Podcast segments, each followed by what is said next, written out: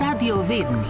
Jaz bi znanstvenika vprašala, kako. Jaz bi rad če vprašal. Mene pa zanima, zakaj. Radio vedni. Vsak zakaj ima za to.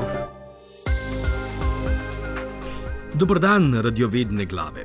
Teden je naokoli in znova poskušamo odgovoriti na eno izmed vaših vprašanj. V poštni predal smo prejeli takšno povezano s prav posebnim plinom. Če ga vdihnemo, postane naš glas piskajoč in visok, podoben tistim iz otroških risank. To je seveda heli, plin brez barve, vonja in okusa. Njegovega vdihavanja seveda ne priporočamo, saj so lahko posledice takšnega početja neprevidljive in celo škodljive. Ima pa heli kljub temu številne koristne lastnosti, ki jih s pridom izkoriščajo v različnih panogah. Uporabljajo ga denimo v letalski in vesoljski industriji kot gorivo za ultralahka letala, pa v potapljaških dihalnih aparatih in celo za hlajenje občutljivih snovi. Ne na zadnje pa ga lahko uporabljamo tudi za polnjanje balonov, ki nam lahko prav zaradi helija pobegnajo visoko med oblake. In z baloni je povezano tudi tokratno vprašanje. Kam gre v sheli iz napihnjenih balonov, ko nam ti uidejo iz rok ali pa zaradi uhajanja plina preprosto izgubijo svojo prvotno obliko? Po pomoč smo se odpravili na inštitut Jožef Štefan, kjer nam je odgovor ponudil dr. Janez Dolinšek, vodja centra za utekočinjanje helija.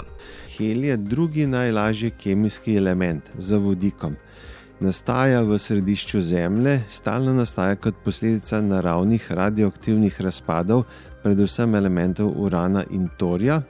In ko on enkrat nastane v Zemlji, se zmeša z zemljskim plinom, zemljski plin se pa potem črpa na naftnih črpališčih, tam je tudi ponovadi velik plina, ta heli se potem izolira iz zemljskega plina in se spravi v visokotlačne jeklenke, kjer nas ta plin potem počaka.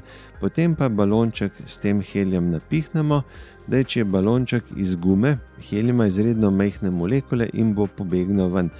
Guma je za heli tako kot švicarski sir, poln luknjic in heli bo že v enem dnevu praktično vse pobegnil, en dan balonček napihnemo, drug dan bo že čist splahnen. Zato so tisti balončki, ki jih potem kupimo, ki je na kršnem sejmu, so prevlečeni za kovinsko folijo, aluminijevo folijo in zato se tako lepo srebrno svetijo, pa še potem kakšne figurice so gor narisane. No, ko tak balonček s helijem napihnemo, bo heli potem notor vstal, ker čez aluminijevo folijo ne more, ampak počasi bo pa let tudi kakšna molekula všla in čez kakšen mesec bo ta balonček že kar nekaj helija zgubil. No, ker je heli toliko lažji od zraka, se bo dvigal v atmosferi, zmeri više bo šel, ker je za vodikom drugi najlažji. No, in se bo potem dvignil v najvišjo plast zemljine atmosfere, ki se imenuje eksosfera. Ta se nahaja od približno 700 pa do 10 tisoč km nad zemljenim površjem.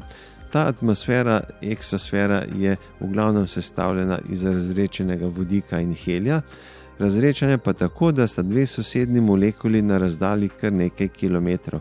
To v bistvu ni več atmosfera, ampak je to en izjemno razrečen plin, kjer molekule druga druga več ne srečajo, da bi trkale, in ta heli se potem dvigne v vesolje, gre ven iz te eksosfere in na koncu gre v vesolje in je v tistem medzvezdnem prostoru. Heli svoje potovanje torej začne globoko v zemeljskem središču, ne na zadnje pa pristane med zvezdami v vesolju, kjer predstavlja celo najpogostejši element. Ob pomoči dr. Jana Zadolinška smo torej razrešili še eno uganko. Le kam nas bo vaša radovednost pripeljala prihodnji teden? Bodite z nami, se slišimo. Bi radi nekaj izvedeli? Radio vedni. Pečeni ljudje iz radia, ki so preveč radovedni.